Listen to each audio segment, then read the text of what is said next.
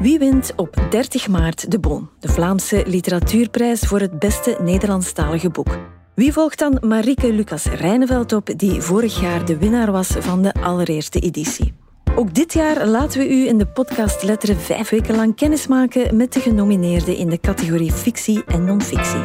Mijn naam is Guinevere Klaes en ik heet u een warm welkom.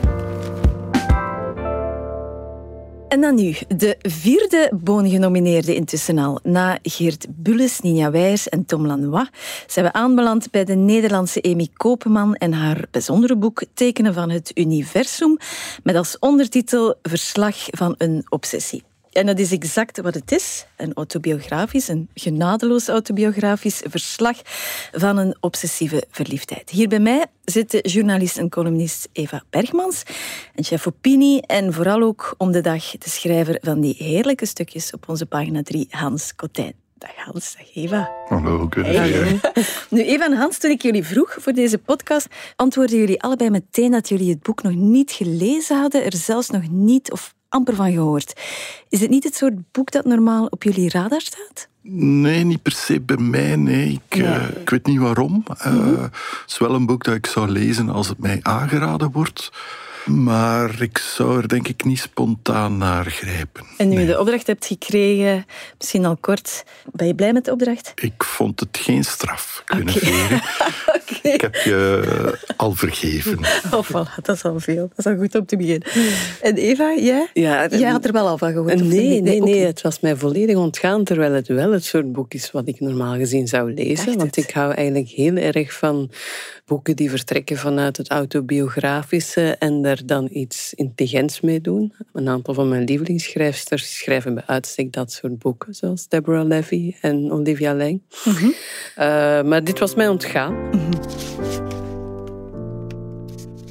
Voor we verder gaan, is het misschien toch goed dat we weten waarover we spreken. Hè? Dus misschien wil iemand van jullie even kort schetsen wat Amy Koopman hier in dit boek vertelt. Uh, ja, het, het, is wat ze zegt dat het is. Hè? Het verslag mm -hmm. van een obsessie, mm -hmm. van een obsessieve verliefdheid.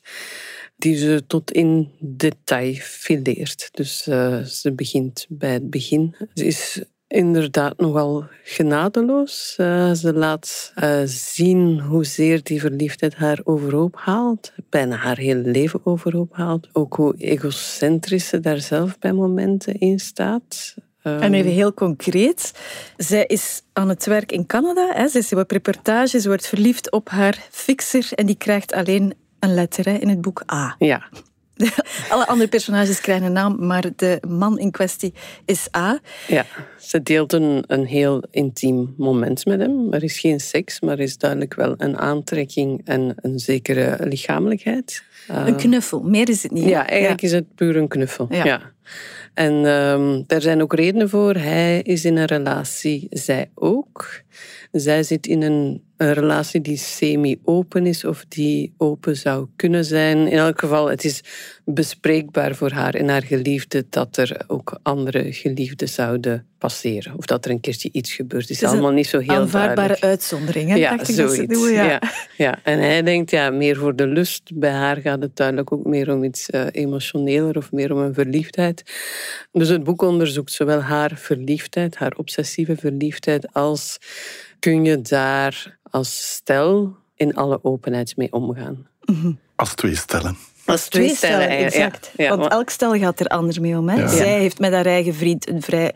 Enfin, zij kan alles zeggen aan hem, wat op zich al straf is. De fixer in kwestie durft niets te vertellen hè, aan zijn vriendin. Wel, dat is natuurlijk een beetje gevolg van hoe het boek is opgevat. Het is haar visie, haar stem die je -hmm. hoort. Mm -hmm. Je weet niet of nauwelijks wat er zich bij anderen afspeelt. Toch zeker niet bij de A in kwestie. Een beetje bij Charlotte, dat is dan de vriendin van de fixer. Ja. Een beetje bij die Johannes. Heel beperkt, Heel ook, beperkt. zowel bij Charlotte als bij Johannes. Ja, ja, je krijgt het altijd te horen via haar blikken. Ja. En dat is beperkend, maar dat is natuurlijk een gevolg van dat autobiografische, dat roekeloos, dat onwaarschijnlijk radicaal autobiografische van ja. het boek. Ik had het wel heel interessant gevonden als ze ook het andere gedaan had. Mm -hmm. Als ze, stel dat alles zou kunnen, een paar heel open gesprekken had kunnen hebben met A en met Charlotte en uh, zeker ook met Johannes. Na de feiten dan. dan denk ik dat je een nog veel interessanter boek gekregen Wat bedoel je? Want ze heeft wel een openhartig gesprek met Johannes, toch? Hè? Ja en nee. Wat ik heel gek vind, maar dat gaat dan puur over de inhoud. Of... Ja. Dus zij verliest zich volledig in een verliefdheid die op niet zoveel gebaseerd is. Hè. Ja. Typisch, ze ziet tekenen van het universum, ze ziet van alles, ze ziet een voorbestemdheid, ze ziet een verbondenheid met die man A, die eigenlijk heel weinig teruggeeft en Ja. heel weinig aanleiding geeft om, het voorwerp van een obsessie te zijn. Dus dat is een verhaal in haar hoofd vooral. Dat ontkent ze zelf ook niet. En ze sleept Johannes daar voor een stukje mee. Hij moet dan mee op vakantie. Allee, moet dat. Enfin, ze gaan samen op vakantie naar Canada, zodat ze toch ook met A en zijn vriendin een aantal momenten kunnen doorbrengen. Zij hoopt eigenlijk meer met A apart te kunnen doen. En Johannes weet dat allemaal wel. Maar het, denk ik, echte gesprek is er niet op basis van wat ik hier lees. Want zij wordt heel erg verliefd, ze voelt zich heel erg aangetrokken. Maar eigenlijk wat daaronder zit, denk ik, is een verlangen om heel veel emoties te delen. Een van de redenen waarom ze zo verliefd wordt op A, is omdat hij in dezelfde periode als dat zij haar vader verloren is, is hij zijn moeder verloren. Ja, dus daar zit een teken van het universum in ook Ja. wel. Hè? Dat is zo een van die... En dat, hè, ze, ze voelt zich heel erg begrepen in die rouw. En ik denk dat in heel die obsessie dat een beetje een rode draad is. Ze hunkert naar een soort Dus verbondenheid ja. en nabijheid met A. Terwijl intussen Johannes aan haar zijde loopt met een onwaarschijnlijk geduld. Ik vind het eigenlijk niet zo interessant wat de mannen beleven en denken. in dit Raar verhaal. genoeg in dit verhaal. Nee, Nee? ik vind het contrast tussen Johannes en Amy zelf heel interessant. Zij die Mhm. Ja? zich volledig verliest en hij die op zijn poten blijft staan. Ja. Ik vind het echt jammer dat, dat we niet meer over hem te weten komen. Ja, precies. Omdat je hem niet ziet, krijg je nog beter zicht op het echte onderwerp van het boek. Het is een duidelijke keuze. Om te... Het is een literaire keuze en een rukzichtloze keuze. Ja. En nogmaals, een radicale keuze. En, Mhm. en dat maakt het voor mij interessant. Maar daar ben ik het mee eens. Ja. Dat vind ik ook het, het goede aan het boek. Ehm, Want, ja, dat ze zich zo hard toont Ja. in Ja. die irrationaliteit. Ja. Want wat hebben jullie gevoeld bij het lezen? Hè? Dat zijn 380 pagina's, denk ik. Zoiets. Een minutieus verslag van sms of van WhatsApp tot hè, WhatsApp die niet komt, wel komt. Verschrikkelijk. Verschrikkelijk. Een drag. Het enerverend, ergerlijk, maar fascinerend en bewonderend heb ik het gelezen. Oké. En eh, ja, het is een boek dat je af en toe gewoon moet wegleggen. Het stoort mij soms mateloos. En toch vond ik het een geweldig boek. En waarom dan?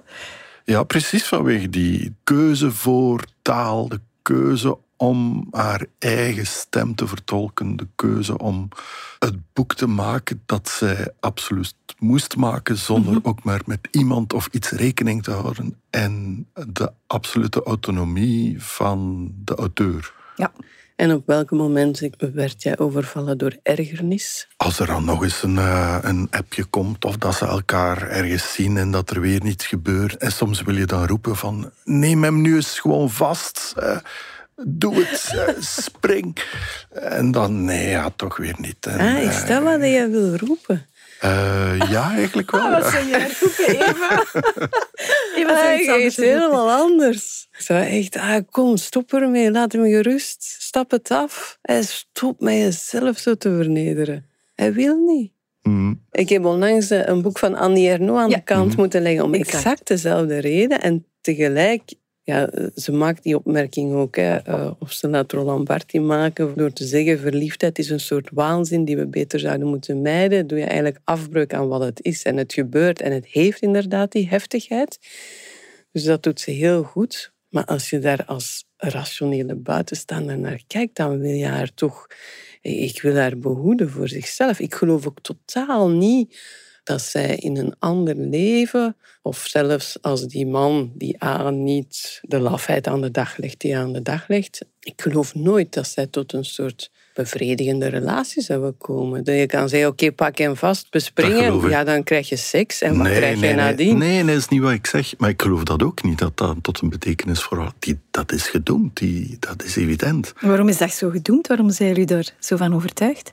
Ik denk omdat zij een soort verwachting koestert, waaraan niemand of waaraan geen enkele, enkele relatie zal kunnen beantwoorden. De onmogelijke mannen, hè? Ja, ik, ik wil er zelfs geen man-vrouw ding van maken. Nee, of ik wil inderdaad, zij zet het zelfs een beetje het type, de duistere, Ja. getroubleerde, onmogelijke, onbereikbare, warm en koud blazende man. Maar ik denk dat ze een soort heel normaal menselijk verlangen heeft naar een allesvervullende relatie. die, ja, Ja, helaas. Ik, een- ik heb, ik heb ze nog niet meegemaakt. Een oud-romantische...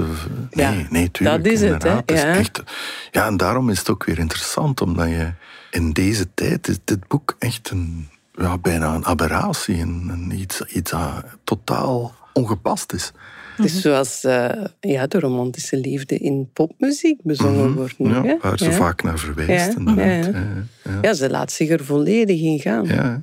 Nu, daarover zegt ze zelf in een interview van waarom zijn wij als maatschappij onafhankelijkheid zo'n belangrijke waarde gaan vinden en afhankelijkheid iets viezigs, iets zwaks. Er is nog steeds veel schaamte en veroordeling rond controleverlies.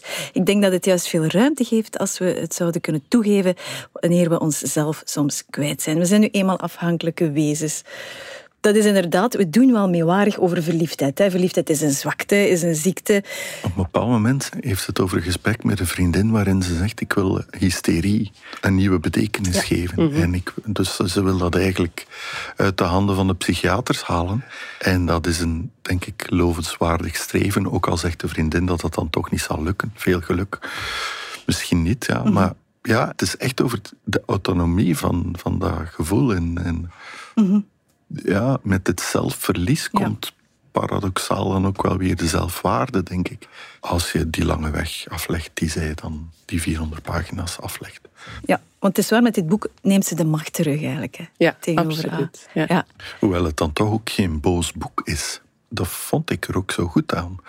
Ja, je zou waar. van hetzelfde gegeven een razend boek kunnen maken. Het is een heel Een echte eenzaam boek wel, wraakactie zou je kunnen ik. doen. Een, hè, ja. een, een diss-song. eh, maar dat is het niet. En Nee, dat het is vond ik liefdevol wel, hè? Het is liefdevol en eenzaam, vond ik. Ik vind het een, Eenzaam, redelijk ja. triest boek. Ja, wel. klopt. Ja.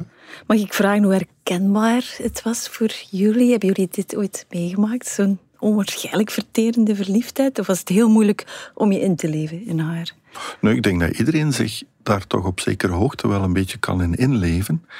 Ja, dus ook. Toch in de eerste 50 pagina's. Maar de obsessie natuurlijk, ik denk dat dat minder mensen zal eh, gegeven zijn. Ja, dus dat, dat herken je niet. De verliefdheid Obsessie- wel, maar de ja, obsessie De niet. obsessie herken ik niet. nee. Ja. Jij wel, Eva? ja, ik wel. Ja, zeker ook al meegemaakt. Dat is waarschijnlijk ook de reden waarom ik er bij momenten zo boos van word. Omdat achteraf bekeken dat ik zeg, wat? Zit nu toch niet op dat stom bericht te wachten. Stuur vooral ook geen bericht met het idee van er komt dan misschien een bericht terug. Ja, het is echt... ehm, Maar zullen we het dan toch maar even benoemen? Is het dan meer eigen aan vrouwen, dat soort zelfverlies in de verliefdheid? Nee, dat denk ik niet. Ik Nee, denk ik dat er, er dat zijn ook niet, even nee. hoe mannen Dat die is een vraag die zij zelf ook Ja, ik weet, en Ja. dat is een punt waar ik een beetje lastig van werd. Eh, aan de ene kant vind ik het heel interessant dat ze er een feministische lezing aan geeft, ook aan het onderdrukken van eigen gevoelens. Hè. In welke mate blijf je de cool girl spelen? In welke mate blijf je glimlachen terwijl iemand op je hart trapt? Zijn vrouwen geprogrammeerd om toch meer te zorgen en zichzelf weg te cijferen?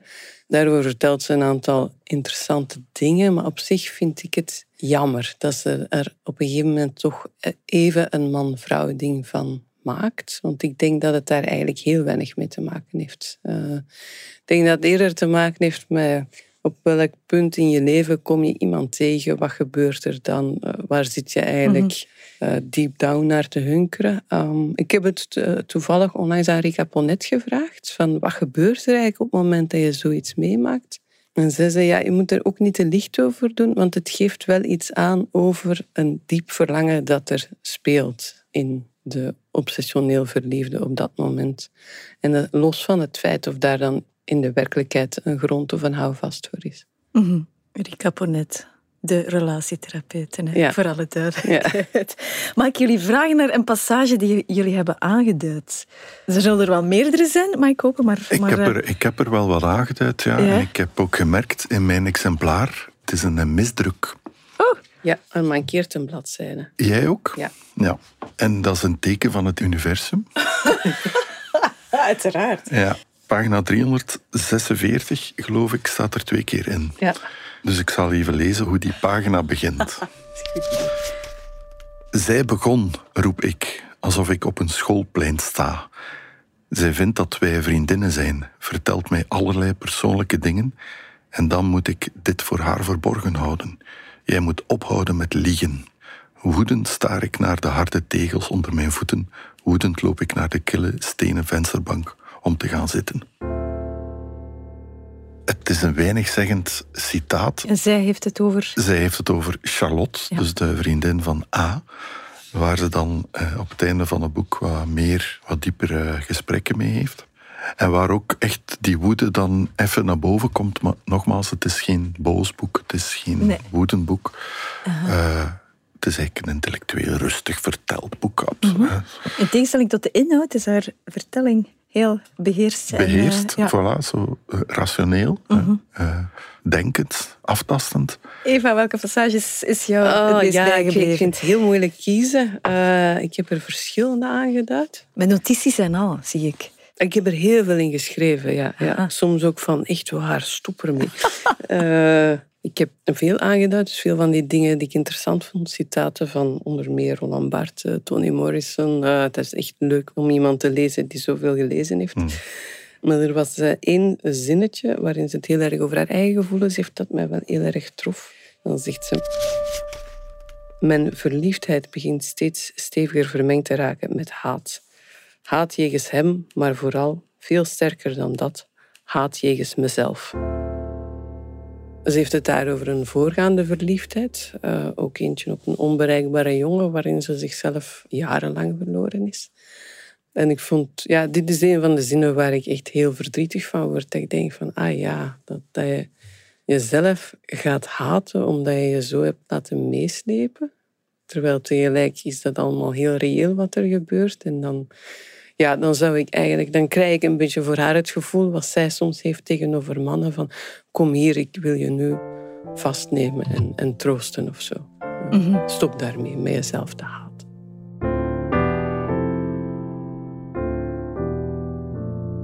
Ja, ik heb wel gemengde gevoelens bij het Aha. boek. Ja. Ik heb het wel met een zekere fascinatie gelezen. Ik vind het inderdaad goed geschreven. Dat er heel interessante passages in zitten. Ja, en heel dapper dat ze zichzelf zo blootgeeft. Maar ik denk dat bij mij stoorde soms was dat ik, ja, dat ik haar wou vastgrijpen en dwingen tot iets verder nadenken of zo. Waar het, ja, dat het dat heeft losgeweekt Dat is goed. bewijst dat het goed gedaan Ja. is. Hè. Maar ik wou over sommige dingen wou ik gewoon heel graag met haar in gesprek gaan. Eh, ook omdat ze, ja, ze schrijft heel vaak heel mooi, maar soms ook met van die grote woorden. En dan schrijft ze over zichzelf van, ik wil liefde zijn, ik wil leven zijn. En dan denk ik, ja, leven, liefde, verliefdheid. Ja, ai, gooi het allemaal maar op een hoop. En ik kan niks terugzeggen. Ik kan geen vraag stellen van, Amy, alsjeblieft. Zijn die dingen wel hetzelfde? Wat wil je eigenlijk? Wat bedoel je nu? Ga eens zitten. Laat hem gerust. Ga eens zitten. Denk eens na. En ik denk dat ik wel nog een beetje had gehoopt dat het mij ook iets wezenlijks zou bijleren over wat is dat dan, die verliefdheid? Wat is liefde? Wat is seks?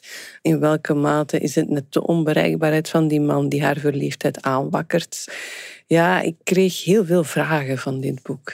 Op zich Ja. ook interessant. Meer Ja. vragen dan antwoorden. Dat is, eh, Ja, Hans, je bent positiever, hè? of niet? Of... Ja, ik heb het echt, echt graag gelezen, inderdaad, omdat het zo'n mm, wat uit de tijds boek is. En ja, je staat versteld van de intensiteit daarvan. Enfin, ik dan toch. Je leert er misschien niet meteen nog iets nieuws over verliefdheid over bij, maar wat ik wel boeiend vond, is dat ze dan toch erin slaagt om via dat boek haar plek terug te winnen. En eh, nogmaals, haar, haar eigen waarde. En in die zin is het een overwinning en geen verlies of geen nederlaag. dat is waar, ja. In die zin is het een heel hoopvol en, eh, en positief boek. Ja, Want ze, zegt, ze draagt het boek eigenlijk op in het begin aan iedereen die Ja. lief heeft gehad en heeft verloren. Dan kun je de vraag stellen, heeft zij verloren? Want uiteindelijk, voor alle duidelijkheid, haar relatie heeft het Eh, ze- overleefd. Ik wou net zeggen, ze heeft het onwaarschijnlijke geluk dat haar relatie dit overleefd heeft. Ja. Ja. Ja, echt alle hulde voor Johannes. klopt, ja. Wauw. En die openheid, of dat benadrukt ze toch, heeft hun relatie gered. Hè? Het feit dat ze altijd heel open heeft verteld dat ze aan hem denkt, aan A, dat ze met liefdesverdriet zit om A. En hij, en dat vind ik heel interessant ook, hij kon zijn jaloezie zien als iets om te observeren. Dan denk ik van, wauw, als je dat kunt... Vanuit, vanuit zijn eh, mindfulness praktijk. Hè? Ja. Maar zo moet je dat wel kunnen, denk ik, met Ja, jaloezie omgaan. Dus van heel veel mensen, ook A bijvoorbeeld, heel veel mensen houden een verliefdheid op iemand anders, laat staan een slippertje, houden ze geheim vanuit het idee ik wil niemand kwetsen. Nou, maar Johannes maakt op een gegeven moment de opmerking van ik weet liever wat er jou bezighoudt. En daar denk ik inderdaad wel dat iets heel wijs en genereus in zit. Van als je iemand echt graag ziet, dan wil je weten wat hem of haar bezighoudt. En dan is het andere van ik wil niemand kwetsen, is dat dan ja, ik vind dat een beetje betuttelend eigenlijk. dat, dat ik in iemand anders zijn plaats zou beslissen van ja, dat ga ik je niet vertellen, want dat ga je niet aankunnen. Philippe Joos eh, heeft zich eerder geout als grote fan van dit boek. En hij had de vraag van, ja, ik zou haar willen vragen, als je nu zou moeten kiezen, je mag één zomer doorbrengen met A, of je mag dit boek schrijven. Wat zou je kiezen? Maar we weten wat ze heeft gedaan. Ja, exact, ja. inderdaad. Ze heeft het boek geschreven. En Dat is de juiste keuze. Dat is de juiste keuze, ja. Eh, Nog even, wie, wie zou je dit boek aanraden? Zou, zouden jullie dit boek aanraden? Ik wel, ja. Ik zou het wel aan mijn, eh, mijn vrouw aanraden. Ja. Ja. Ja, en waarom? Vanwege de oprechtheid en de kracht van de auteur. En de vele vragen die het opwerpt, als ik dat mag aanvullen. Ja. Want dat vind ik vaak een kracht van een boek, als je met heel veel vragen zit eigenlijk. Dat je denkt van, ook al zijn er dan geen antwoorden, is, is dat ook niet juist iets heel positiefs? Dat het heel veel vragen oproept? Ja, ja, zeker. zeker. Ja. Dat betekent dat het een interessant boek Ja. is. Dat wil ook zeggen, als het iemand aanraadt of cadeau doet, dat je er nadien allicht een heel Voilà. interessant en veelzijdig gesprek over kan hebben. Ja, klopt. Goed gedaan, Guinevere. Ja. Maar goed, ik begrijp dus dat voor jullie dit boek niet per se de boon moet winnen. Hè? Het is natuurlijk moeilijk, want jullie hebben andere boeken... Ik weet het niet. Hebben jullie de Ik andere heb ze boeken niet allemaal Nee. gelezen. Ik heb er een paar eh, van de, op de shortlist gelezen. Het mag eh, de Boonprijs winnen van mij. Eh, ik denk dat dat niet zo zal zijn, maar ik zou het een verrassende, maar terechte winnaar vinden. Oké. Ja. Ik heb de rest van de boeken niet gelezen, dus ik durf er niet zoveel over zeggen. Eh, het, is haar zeker gegund voor eh, de moed, de genadeloosheid en inderdaad het feit dat ze een boek heeft geschreven om zichzelf terug te winnen. Dat eh, verdient een prijs. We zullen het zien. Op 30 maart weten we wie de boon wint. Eva en Hans, het was een zeer fijn, ook voedzaam gesprek. Dank jullie wel. En zo zit deze vierde special van Letteren Rob. Vergeet niet dat u zelf kunt meestemmen op uw favoriete boek via standaard.be de boon. U kunt er een weekendje Gent mee winnen. Wilt u trouwens de uitreiking op 30 maart van op de eerste rij meemaken in 404 in Gent? Stuur dan een mailtje naar acties.standaard.be. De eerste 15 luisteraars krijgen een duo-ticket. Dank voor het luisteren. Volgende vrijdag is er een nieuwe letteren. Dan komen Samira Attai en Philippe Rogier ons vertellen over het enige debuut in de lijst, Honingeter van Tulin Erkan.